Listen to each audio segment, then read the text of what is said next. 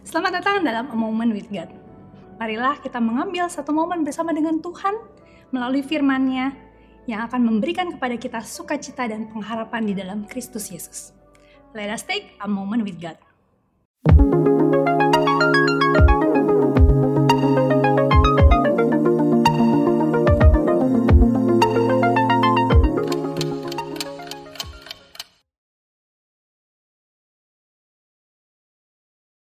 Hari ini kita akan membahas satu tema yaitu submission atau penundukan diri.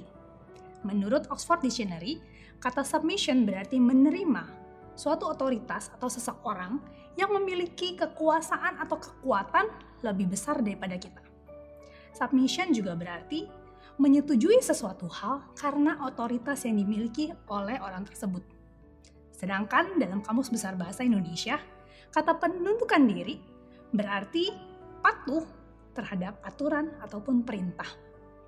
Seringkali kata tunduk itu tidak enak untuk didengar ya teman-teman. Karena persepsi yang muncul, orang yang tunduk adalah orang yang lemah. Namun Tuhan mengajar kita untuk tunduk. Tunduk pada siapa?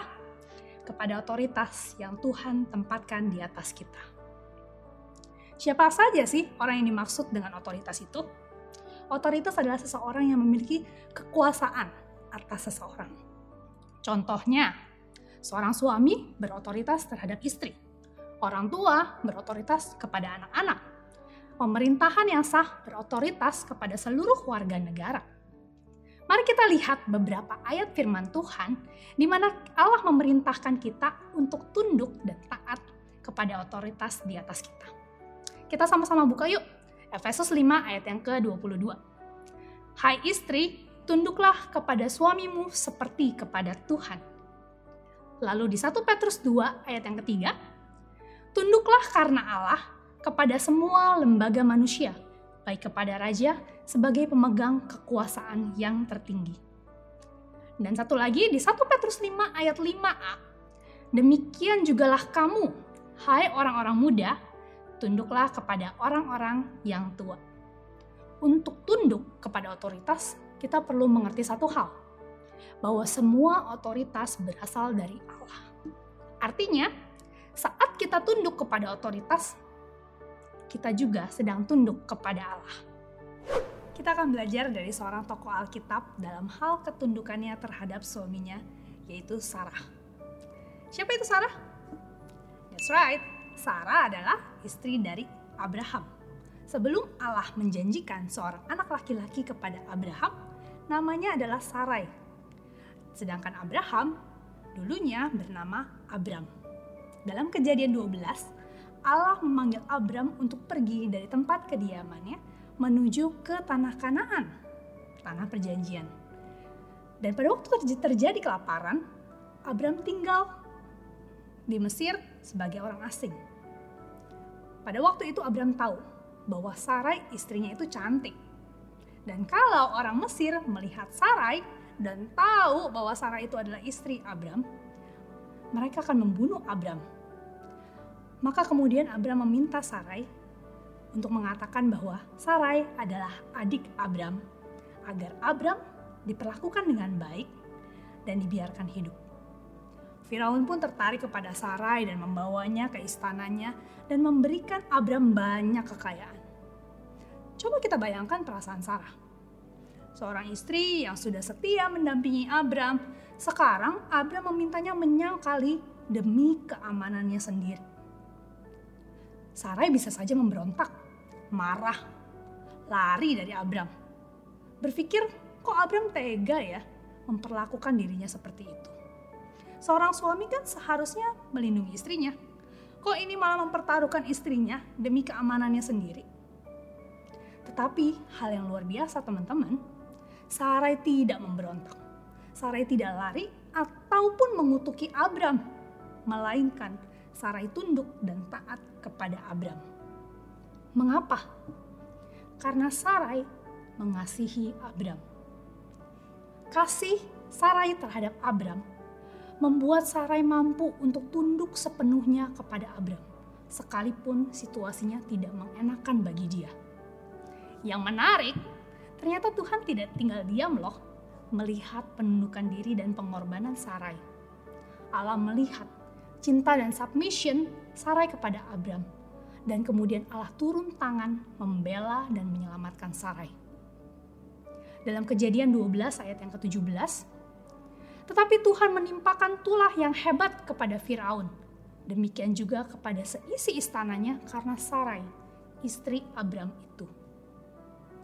Kejadian yang sama terulang kembali, bahkan setelah Abraham memperoleh janji dari Allah bahwa Sarah akan mengandung dan melahirkan seorang anak laki-laki baginya. Dalam kejadian 20, Abraham pergi dan mau menetap sebagai orang asing di tanah Gerar. Kepada Abimelek, Raja Gerar, Abraham pun mengatakan hal yang sama, bahwa Sarah adalah adiknya.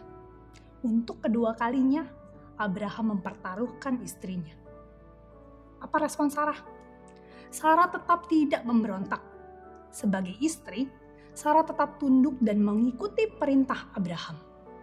Abimelek menginginkan Sarah menjadi istrinya. Namun Allah sekali lagi menunjukkan bahwa Allah tidak tinggal diam melihat apa yang Sarah alami. Dan Allah tidak mengizinkan rencana penebusannya melalui keturunan Sarah gagal. Mari kita baca kejadian 20 ayat yang ketiga. Tetapi pada waktu malam, Allah datang kepada Abimelek dalam suatu mimpi, serta berfirman kepadanya, Engkau harus mati oleh karena perempuan yang telah kau ambil itu, sebab ia sudah bersuami. Ayat yang ke-6 dan yang ke-7, Lalu berfirmanlah Allah kepadanya dalam mimpi, Sebab itu aku tidak membiarkan engkau menjamah dia. Jadi sekarang, kembalikanlah istri orang itu, sebab dia seorang nabi ia akan berdoa untuk engkau, maka engkau tetap hidup. Tetapi jika engkau tidak mengembalikan dia, ketahuilah engkau pasti mati. Engkau dan semua orang yang bersama-sama dengan engkau. Allah tidak main-main dengan perkataannya kepada Abimelek. Dan saat Abimelek mengikuti perintah Tuhan untuk tidak menjamah Sarah dan mengembalikan Sarah kepada Abraham, maka Tuhan memberikan kesembuhan kepada istri dan budak-budak perempuan Abimelek, sehingga mereka bisa melahirkan. Sebab tadinya Tuhan telah menutup kandungan setiap perempuan di istana Abimelek karena Sarah, istri Abraham itu. Teman-teman, untuk tunduk dan taat rasanya tidak mudah ya. Apalagi kalau kelihatannya kita yang dirugikan. Tetapi dari Sarah kita bisa belajar bahwa saat kita memilih untuk tunduk kepada otoritas yang Tuhan tempatkan di atas kita, baik orang tua, guru, pemerintah, maka jika terjadi ketidakadilan, Allah tidak akan tinggal diam. Ia akan bertindak dan membela kita sebagaimana Allah telah membela Sarah. Kita harus belajar tunduk kepada Tuhan, kehendaknya dan perintahnya, termasuk melalui otoritas yang ada di atas kita sekalipun kita tidak mengerti apa yang akan terjadi kemudian. Semakin kita mengasihi Tuhan, kita akan semakin mempercayai Tuhan, dan kita akan dimampukan untuk tunduk kepada Tuhan dan juga kehendaknya dalam hidup kita. Kuncinya adalah percaya penuh kepada Tuhan dan bukan pemikiran kita sendiri. Amsal 3 ayat yang kelima berkata, Percayalah kepada Tuhan dengan segenap hatimu, dan janganlah bersandar kepada pengertianmu sendiri. Mari kita sama-sama belajar untuk tunduk dan taat pada otoritas yang Tuhan tempatkan di atas kita. God bless you. thank you